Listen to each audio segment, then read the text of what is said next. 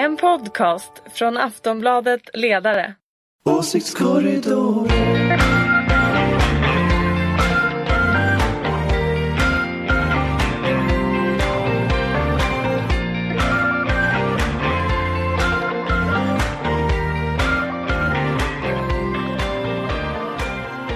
Hej och välkomna till Åsiktskorridoren, en podd från Aftonbladets ledarredaktion.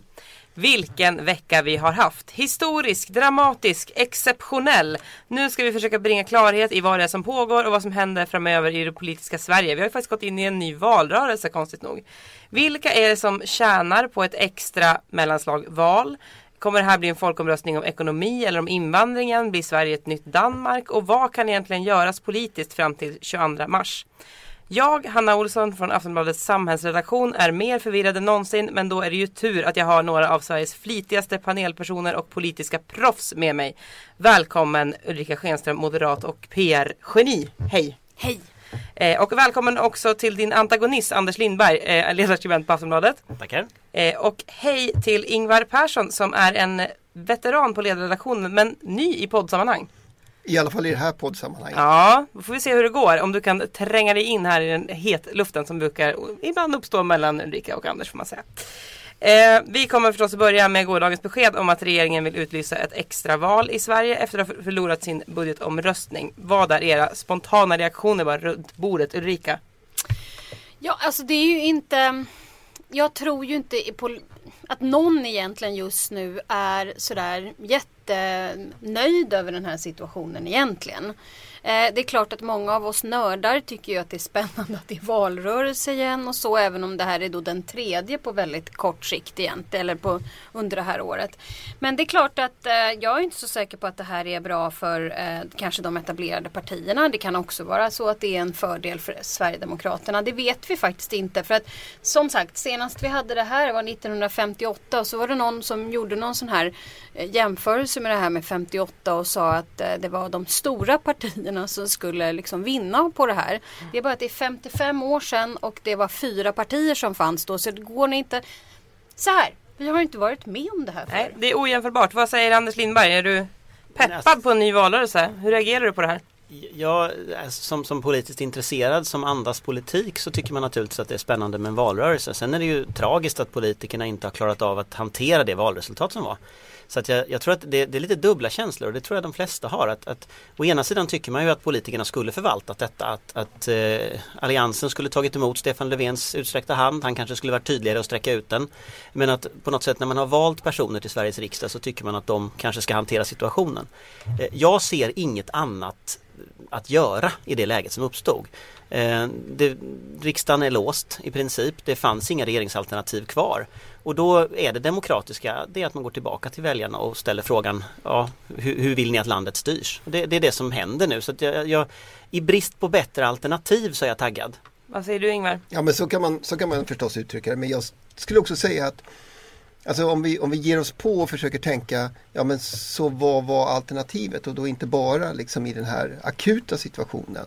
Så kan man ju säga att, att vi stod liksom i en, en ett politiskt klimat där där det också fanns ett, ett stor, en stor liksom risk för, för ett sorts dödläge och ytterligare, alltså fler år utav håglöshet och, och, och rätt upp, en stor uppgivenhet. Mm. Och det är klart att i, med det som alternativ så kan man ju säga att då hade det ju varit fullständigt förödande om hela den här krisen hade slutat i någon slags antiklimax där allt rullar på som förut och ingen egentligen får mandat att göra någonting.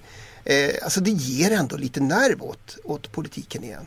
Men det får man ju säga. Men sen får man också säga att det där hade, hade ju också krävt att eh, man gör upp över blockgränserna i slutändan.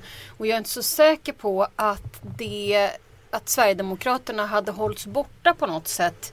Då menar jag i, i att växa. Utan jag tror att möjligen om etablissemangspartierna hade börjat göra upp så tror jag att Sverigedemokraterna hade varit den enda oppositionen och det hade nog lett till att de hade växt. Det är väl den erfarenheten man har. Väl, ja, så att jag tror att eh, det som man kanske kan anklaga alla partier för, eller åtminstone två partier som Moderaterna och Socialdemokraterna, det är kanske att inte riktigt inse under valrörelsen i tid och under kanske förra mandatperioden att det var väldigt mycket välfärdsfrågor och och värderingsfrågor som, som var stora och var på agendan och att man inte gjorde någonting riktigt åt det redan från början. Håller du med där Anders? Alltså, jag, jag, jag ser lite ett annat problem egentligen och det är att, att vi har gått i en valrörelse där Stefan Löfven sa att han vill samarbeta. Alliansen har utgått från att han ljuger och inte vill det.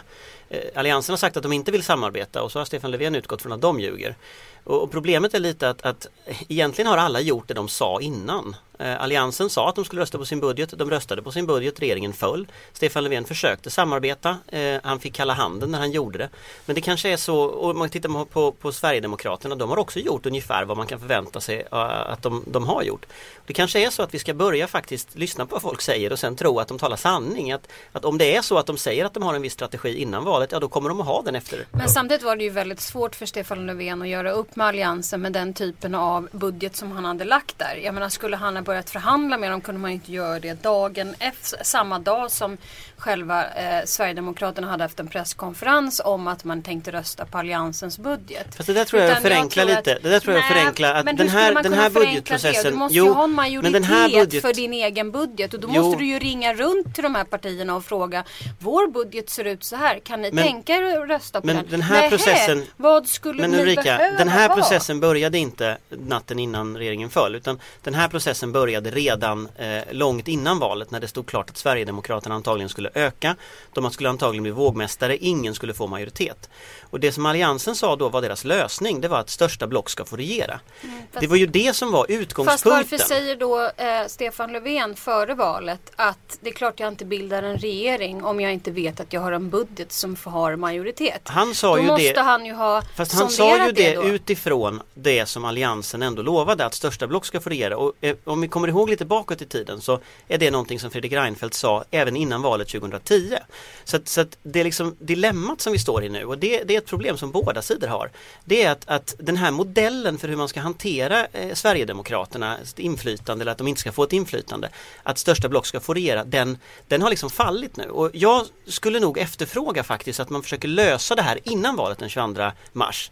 Helst skulle jag vilja se att, att eh, Fredrik Reinfeldt eh, eller vem som nu då blir partiledare där 10 januari eh, och Stefan Löfven gör upp om detta. Så att man kanske till och med ska skriva ihop ett papper där man lovar varandra att inte fälla största block. Man ska lova varandra att släppa fram budgeten. Man kanske lovar varandra att inte ställa ett misstroendevotum. Så att den där spelregeln är färdig innan man börjar budgetprocessen Men det kommer ju inte val. hända. Det kommer ju inte hända. Alltså Alliansen hade ju en presskonferens igår där de ändå öppnade tycker jag för att hitta någon form av lösning för hur man För kan minoritetsregera. Mm. Och, och jag tycker nog att Stefan Löfven ska vara lite smart nu. Att å ena sidan ska han börja bygga upp en valmaskineri och krigsretorik och hej och hå. Men å andra sidan ska han också fundera på om inte han ska ta just den utsträckta handen och ställa frågan lite syna deras kort. Vad menar Alliansen med att största block ska få regera?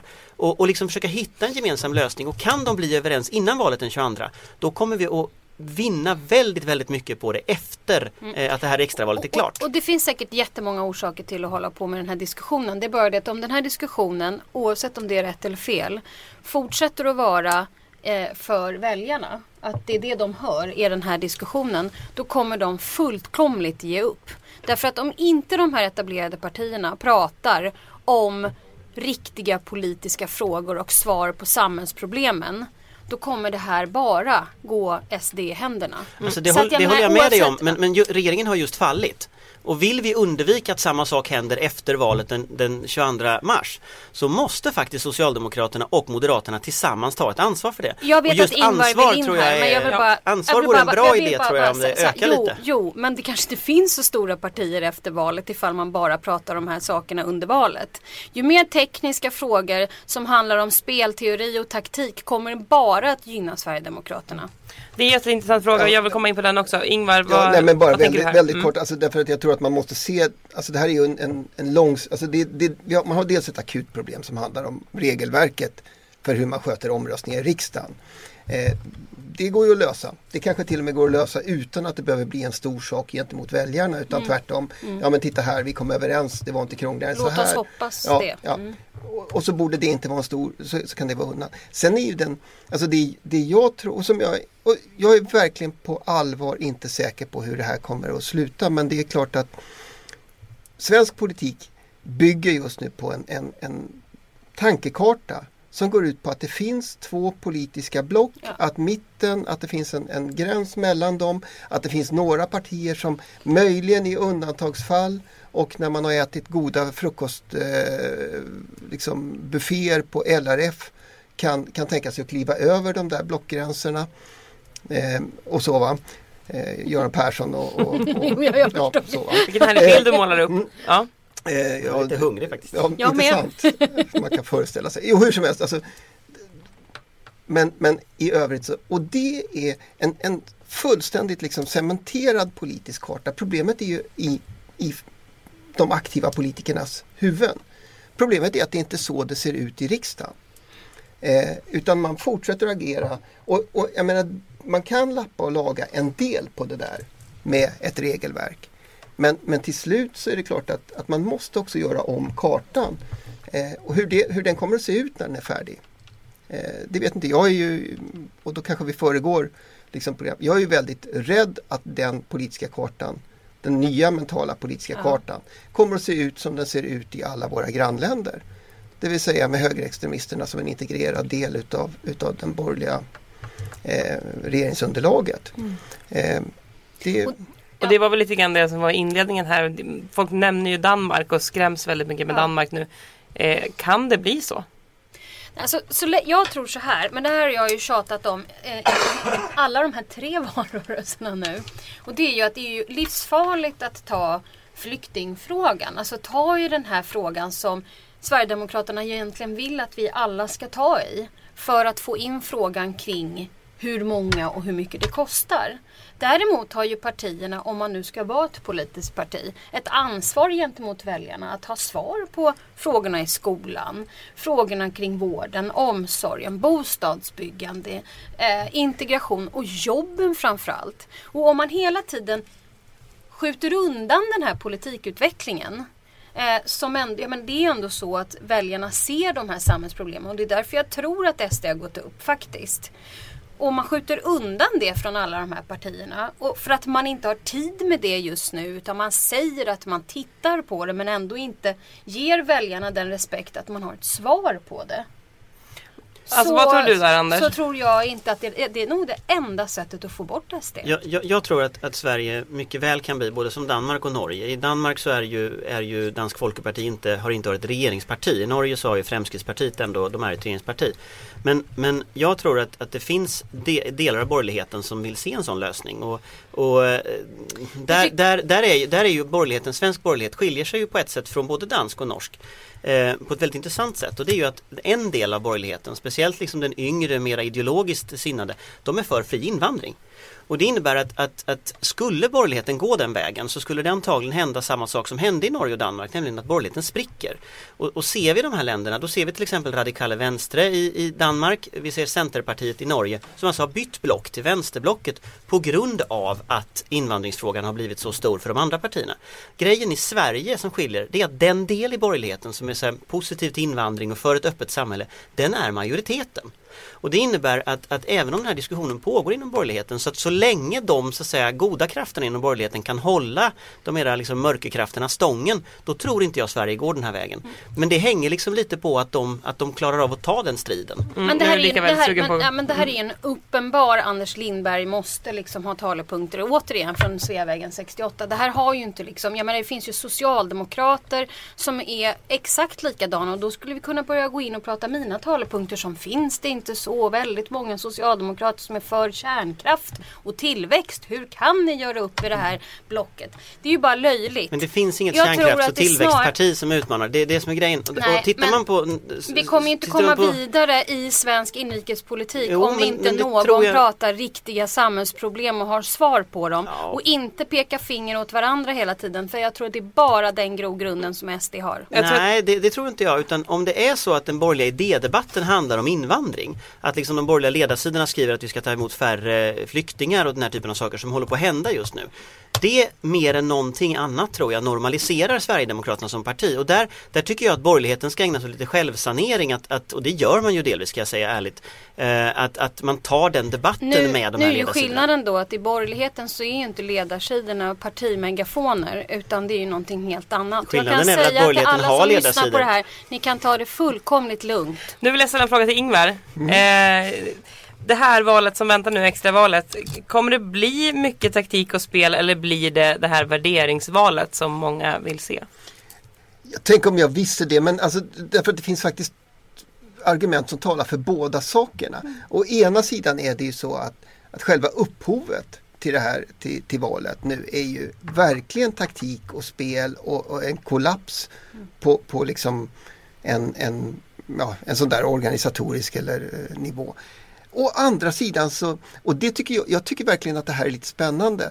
Eh, vi får en valrörelse som kommer ett att ha väldigt tydliga politiska alternativ. Det är två budgetförslag som har så att säga, som har legat i riksdagen och som man har röstat om. De två förslagen blir ju nu underlag för väljarna att ta ställning till. Rakt upp och ner. Apropå Ulrikas liksom önskemål om konkreta politiska skillnader. Det finns ju verkligen tydliga skillnader i de här. Det är jättespännande. Vi får dessutom en valrörelse som inte sen sen liksom flera år tillbaka i tiden är planerade utav, utav partiernas informationsavdelningar och, och, och liksom valstrateger. Utan som, som kanske har förutsättningar att drivas utifrån de aktiva politikerna eh, rakt upp och ner på ett annat sätt eftersom det kommer att gå fort och, och det ska, ska liksom... Eh, så att till slut när man väger ihop det här. Jag hoppas faktiskt att vi får en, en, en ovanligt bra valrörelse den här gången. Man kan tänka sig att LRF panik dukar upp den här flådiga frukosten kanske Såklart. i detta nu.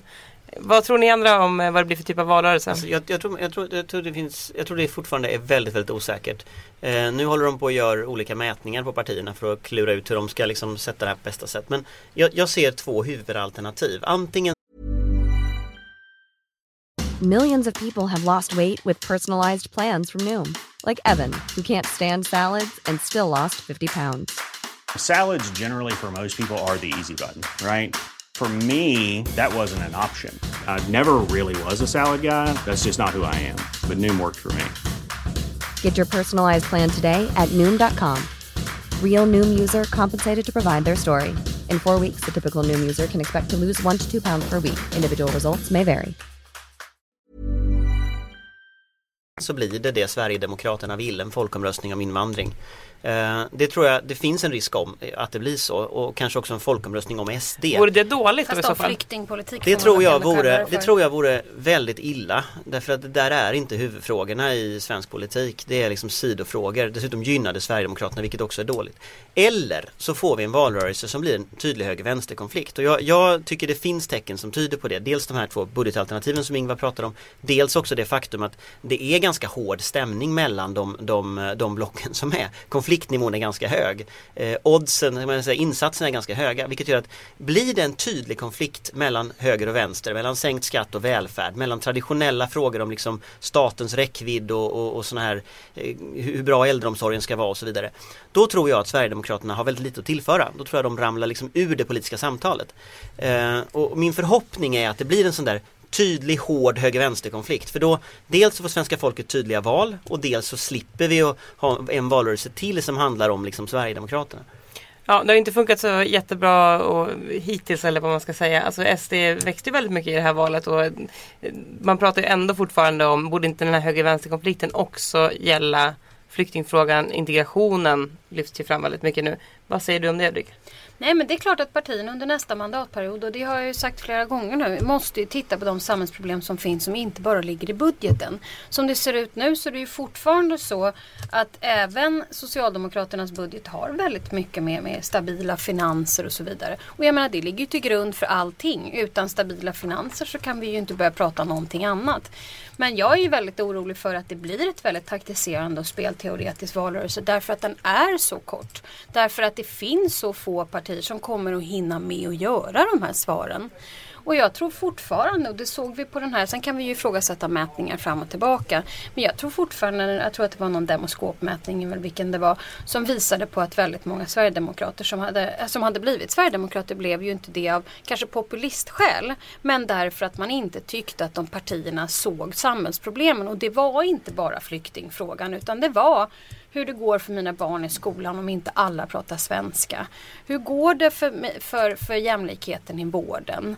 Eh, vissa grupperingar står utanför på olika sätt. Och jag menar om inte ens politikerna vill prata och se detta utan bara peka finger åt det andra partiet eller blocket eller så.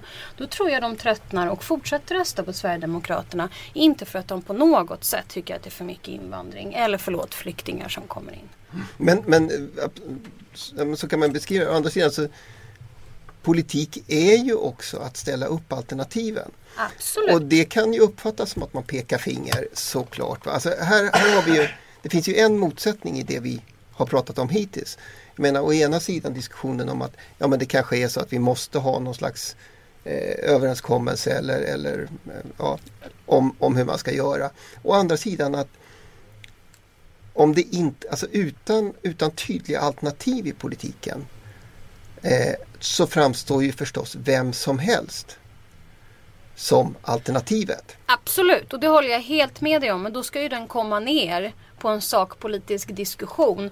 Därför att jag tror nämligen att de flesta av oss kan identifiera samhällsproblemen men vi har helt olika sätt att ta oss an dem. Mm. Och det borde komma fram. Fast, fast, det är också så att den strategin som, som Ulrika skissar upp det är den här traditionella trianguleringsstrategin. Att, nej, det att är alla det inte alls se. Alla ska se, nej, nej det men, är det inte alls. Eh, och det är det här traditionella att, att alla ska se samma samhällsproblem så ska man liksom konstruktivt diskutera lösningar eh, men att man på något sätt ändå är överens om att det är de här frågorna som gäller. Jag tror inte alls att det behöver bli eh, särskilt bra utan det här, vad det har lett fram till hittills det är ju att alla partier samlas i mitten.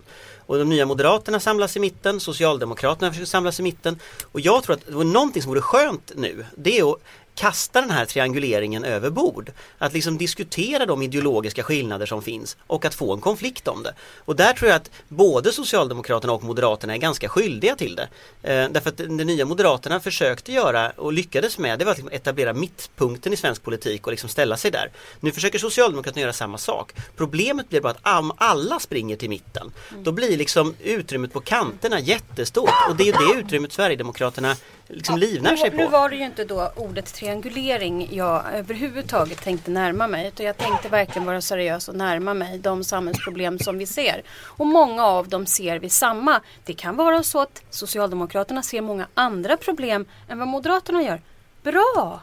Då har vi en diskussion om det. Men jag var inte ute efter någon formfråga i trianguleringshänseende. Ja, jo men det är ändå, Nej, det, det, är ändå det, som, det är ändå Nej, det som är konsekvensen må, av ja, den men strategin. Men jag håller inte med dig Anders alls faktiskt. Fast, fast, vi har sett det de senaste åren väldigt tydligt att konsekvensen av den strategin har blivit... Då börjar du bli taktisk igen. Nej, istället alltså, jag bara, jag bara, om... Jag, nej, men, jag, nej men så här, jag bara frågar. Alltså om vi ser att alla partier närmar sig mitten och liksom går mot mitten. Vilket är det vi ser som en konsekvens av detta. Det, Gynnar det svensk demokrati? Jag är inte så säker på det. Jag tror att väljarna skulle efterfråga tydliga... Fast jag håller faktiskt inte riktigt med om att det handlar om mitten och det är kanske är en hel podd som handlar om det var vänster eller höger eller värderingar eller mitten eller inte mitten. Jag tror fortfarande att man måste utgå ifrån att om den där personen har ett problem med någonting så är vi ju här för att lösa det. Absolut. Ja. Men då är det så att då är det inte en lösning utan då är det så en höger-vänster konflikt handlar om Nej, att det men... finns två olika perspektiv på ja, detta. Absolut. Och om både, och, men det var ju Ingvar och jag helt överens om. Sen började du prata om trianguleringar. Tre, ja, det... det... var verkligen ett triggerord i det här rummet. Man inte... jag vet att Moderaterna inte riktigt uppskattar det där men, men, men det är trots allt så att det där har blivit ett jätteproblem i politiken. Men det låter som att du ser triangulering inte som en strategi utan som ett resultat nästan. Nej, jag ser triangulering som ett problem skulle jag säga. Okay. Eh, som ett samhällsproblem faktiskt som vi borde se här tillsammans och lösa. Ja, jag tror inte vi löser det i det här rummet. Men vi kan väl fråga Ingvar, vilka kommer att gynnas eller missgynnas av eh, ett extraval tror du? Ja, uppriktigt sagt nästan ingen aning. Alltså det är ju jättehöga insatser. Eh, man skulle kunna argumentera för för alla möjliga lösningar eh, och, och, säga att... Men det verkar ja, risky business för Löfven. Det, det, är klart att det är. Ja. Alltså, jag menar, han, han eh, sitter ju i Rosenbad nu. Det är ju väl ungefär så mycket man kan riskera eh, om man då ska liksom utlysa ett, ett extraval. Så det är det ju. Å andra sidan Mattias Karlsson som ju säkert går in i det här med, med en, ett våldsamt självförtroende och en känsla av att vara nästan oövervinnlig eftersom det har, har liksom gått bra för partiet i senaste valet. Sådär. Han sitter ju med alla de senaste väljarna som, som vi alltid vet är de som också har lättast att, att lämna partiet.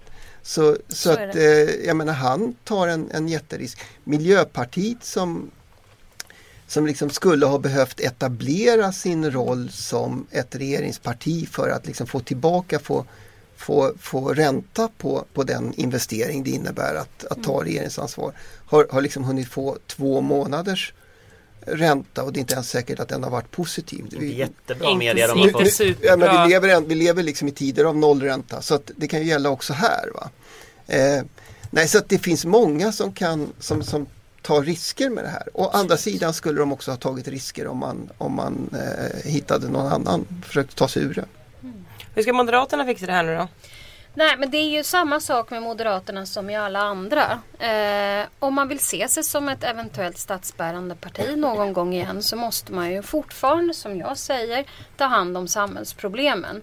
Om man struntar i dem och fortsätter att bara prata ekonomisk stabilitet, vilket är grundläggande och bra för allting annat, men inte har några nya svar på jobben, inte tittar på olika delar av integrationen och då pratar jag inte flyktingpolitiken.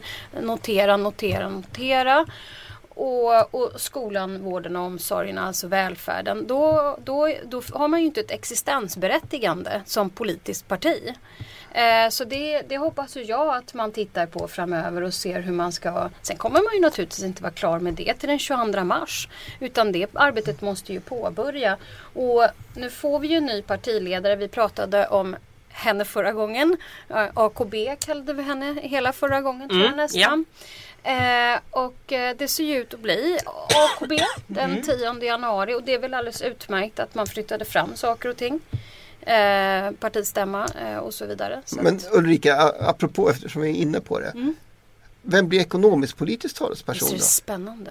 Va? Vem ska ersätta är Anders det? Borg? Oerhört spännande. Vem kan det bli? Ingen aning faktiskt. Jag har hört att Ulrika Schenström ligger bra till. Da-da-da-da. Samhällsproblemen. Tänk om, eh, tänk om vi kunde avslöja det i den här podden. Det kommer bli helt outhärdligt faktiskt. Otroligt bra siffror för den här podden om vi bara kunde breaka det här och nu. Nej, tydligen inte. Eller? Nej, Nej, nej, jag vet inte vem i riksdagen som sitter där som kommer att bli det. okej. Vi försök inte. Okej, okej, okej. Eh, Vi släpper det. Eh, ville bara att vi ska prata om de närmaste månaderna. Hur kommer vi ha det egentligen? Alltså, alltså, jag, jag, tror ju, jag tror ju, för att komma tillbaka till det jag sa förut innan Ulrika snöade in sig på samhällsproblemen. Eh, så, så är, Den, jag, det är ett bra jag, citat. jag, jag tycker ju problemet fortfarande är den här trianguleringen och det här, här fokuset på något sätt som, som, som partierna har. Och det här är ju inte bara Nya Moderaterna som håller på med det här utan det här är ju också Socialdemokraterna. Och tittar vi på den strategi som, som Socialdemokraterna hade förra gången då var det en strategi för att konfliktminimera, man tog inga risker, man la sig väldigt nära Moderaterna, man, man, man liksom på alla sätt försökte göra medelklassen lugn så att ingen, ingen, ingen skulle bli arg på, på dem överhuvudtaget. Men vad gör Och, och S nu då? resultatet, Vad kommer nej, men, och de göra? resultatet av det blev ju faktiskt ett väldigt dåligt valresultat. Mm, men vad kommer de göra? Vad kommer de... Ja, ja, ja, min förhoppning Sticka ut på Ja, min förhoppning är att de tar ett kliv tillbaka, konstaterar att samarbetsmannen eh, Stefan Löfven får vara färdig nu. Nu, nu, Mm. har vi, nu har vi kört det i botten. Eh, vi har sträckt ut händer till höger och vänster. Eh, det är ingen som vill ha de där händerna. Nu tar vi strid. Och jag tyckte att det fanns eh, hoppfulla signaler på pressträffen igår. Där, där eh, Stefan Löfven både lät arg, vilket ju är roligt, Mm. eh, men också var väldigt tydlig med att han accepterar inte den här utvecklingen inom borgerligheten och han slutar nu med den här gamla strategin. Och det här är ju väldigt stort därför att det här har ju varit hans så att säga, signum för hela hans partiledartid. Eh, och vad jag förväntar mig av dem nu det är att de går tillbaka på kammaren konstaterar att den här strategin faktiskt inte har fungerat eh, och eh, tar eh, riktiga ordentliga höger-vänster-strider i ekonomiska frågor, om välfärden eh, till så att säga det är på något sätt som väljarna förväntar sig, alltså skolan, sjukvården, äldreomsorgen och att man hittar de här tillbaka till de konflikterna. det Lösningen på hoppas jag. samhällsproblemen. Ja. Det hoppas jag att, att de gör. Han måste kanalisera sin inre Karl-Petter Thorwaldsson låter det som. Jag tror att han ska kanalisera, han ska göra två saker. Han ska kanalisera sin inre Karl-Petter Thorwaldsson utom skägget. Och han ska eh, bli ett regeringsparti i opposition mot orättvisor. Inte i opposition mot några diffusa samhällsproblem alla Moderaterna utan mot orättvisor. Alltså han ska bli en, en hitta tillbaka till det som är socialdemokratins själ, nämligen kampen för jämlikhet. Eh, kampen för ett rättvisare samhälle. För det är där tror jag som energin finns i, i eh, en Du menar att den inte finns i att säga dö- jobben, jobben, jobben? Ni kommer dö Kanske nu, inte. men det där håller jag helt med om. Wow! This is a first. Ja. Jag Eh, tror inte jobben, jobben, jobben eller jobben kommer eller olika Nej, varianter nej, på det nej, nej, kanske men du har riktigt eh, tänder eh, lågorna där ute i stugorna. Nej. Och nu är det ändå en kort och intensiv eh, valrörelse som de laddar om för. Så att vi, vi hoppas ju på att det blir just polarisering. Det är också bra för valdeltagandet. Ska det ju vara. Ja och det är också demokratiskt därför att tydliga skillnader ger tydliga val till, till människor. Eh, och, och jag tror att någonstans ett av problemen med det här att liksom alla samlas i mitten och alla ska vara vänner och, och, och, eh, och sådär. Den, det, det gör att du tappar också ansvarsutkrävandet. Är det så att det finns en regering som misslyckas, ja men då ska du kunna rösta bort den. Och då är det en tydlig regering som driver en tydlig politik. Det är mycket enklare än om liksom alla försöker låtsas som att de är varandra. Vem kommer bli den här valrörelsens stora stjärna? Det är jätte, jättesvårt. Alltså, det var ju det här vi inledde med. Mm. Och hur svårt det är att verkligen veta vem det är. Ehm, ja, alltså förra valet som ju då var i september. så får vi ju ändå säga att den enda vinnaren var ju Sverigedemokraterna. Fast stjärnor fanns det ju flera, alltså både Sjöstedt tycker jag glimmade, Ja. Annie Lööf glimmade tycker jag. absolut. Men du menar stjärnor är mer än så? Mm, ja. Mm, ja, det är ju jättesvårt. Jätte, jättesvårt. Jag Men, tror, jag, ja. Någon av ministrarna kan ju segla upp. Det, det, det finns ju några lustiga människor där som ingen har hört talas om. Någon Mm. av dem skulle kanske kunna kliva fram, det är ju inte otänkbart. Nej. Jag kom Och- inte på någon när jag sa det. Annie Lööf har ju, har ju ett jätteläge. Det, alltså det måste man säga därför att jag menar den senaste den senaste valrörelsen gjorde hon ändå i skuggan Mycket utav, bra. utav duon. Ja, ja men dels, dels det då men, men också i skuggan utav duon Borg Reinfeldt. Mm. Eh, och är de inte med på Jag sa inte det därför att jag håller med Annie Lööf om någonting utan mer att hon verkligen tog plats och hade ett självförtroende. Absolut. Mm, och, och som sagt nu finns ju ett mycket större utrymme. Mm. Eh, kanske Jonas Sjöstedt också av ungefär samma, Ja. Mm. samma skäl. Alltså nu behöver han inte eh, uppföra sig som om han kandiderade eh, till ett, ett eh, departementschefsjobb. Eh, för det vet alla att han inte kommer han att inte få gör något. det. Nej. så är det. Han kan använda lite av Nej, den där jag, tycker, jag ilskan tycker det kan vara med ganska sig. roligt med ett vänsterparti som tar lite mindre ansvar på det sättet. Alltså för jag, jag kan tänka mig att jag, jag är lite rädd för en situation där så att säga, Sverigedemokraterna är de på något sätt den det oppositionella som Mm, tar lite populistiska poänger. Jag kan tycka det är ganska skönt. Det var en debatt igår på TV där, där Jonas Sjöstedt rök ihop med, med Mattias Karlsson så fliserna Just det. rök. Det kan jag tycka att det där får de gärna göra fler gånger. Eh, för det, då, då blir det liksom, då, då brinner det lite i politiken. Mm. Men sen tror jag, alltså jag, jag det oskrivna kortet i valrörelsen det är ju Anna Kinberg Batra. Alltså hon har dels alla förutsättningar att, att liksom segla, hon väljs tid, eh, ganska tidigt eh, så. Hon har alla förutsättningar att segla upp eh, som ett starkt namn. Hon har också alla förutsättningar att krascha. Eh, så att lite blir ju det här det är ju on the job training liksom. Hon ska lära sig vara partiledare mitt under en brinnande valrörelse. Går det bra så blir hon Sveriges första kvinnliga statsminister. Går det dåligt så kan det gå riktigt dåligt för Moderaterna. Och, och det är ju, när man pratar med moderater så är det vissa som säger så här, om Bo Lundgren viskar de lite om att eh, då fick ju Moderaterna 15 procent. Så att alltså, jag tror att för Moderaterna är risken väldigt stor men chansen är också väldigt stor. Så, att, så att där tycker jag, där kommer jag att titta i alla fall. Mm. Spännande. Det kan vara en väldigt stor stjärna som kommer. Tror du att det är en stor stjärna Ulrika? Mm, jag hoppas naturligtvis att det är en stor stjärna men det är ju som sagt svårt att säga om. Jag, jag har ju sett många partiledare i många partier. Det är inte alltid den som är mest utpekad för att vara stjärnan. Jag menar Annie Lööf var ju helt uträknad i två år tills hon flög upp. Vi får se om den här vildhästen kan bli en stridshingst då. Och för att använda en Fick gammal... hon till det? Ja, visst, man har väl jobbat med humor.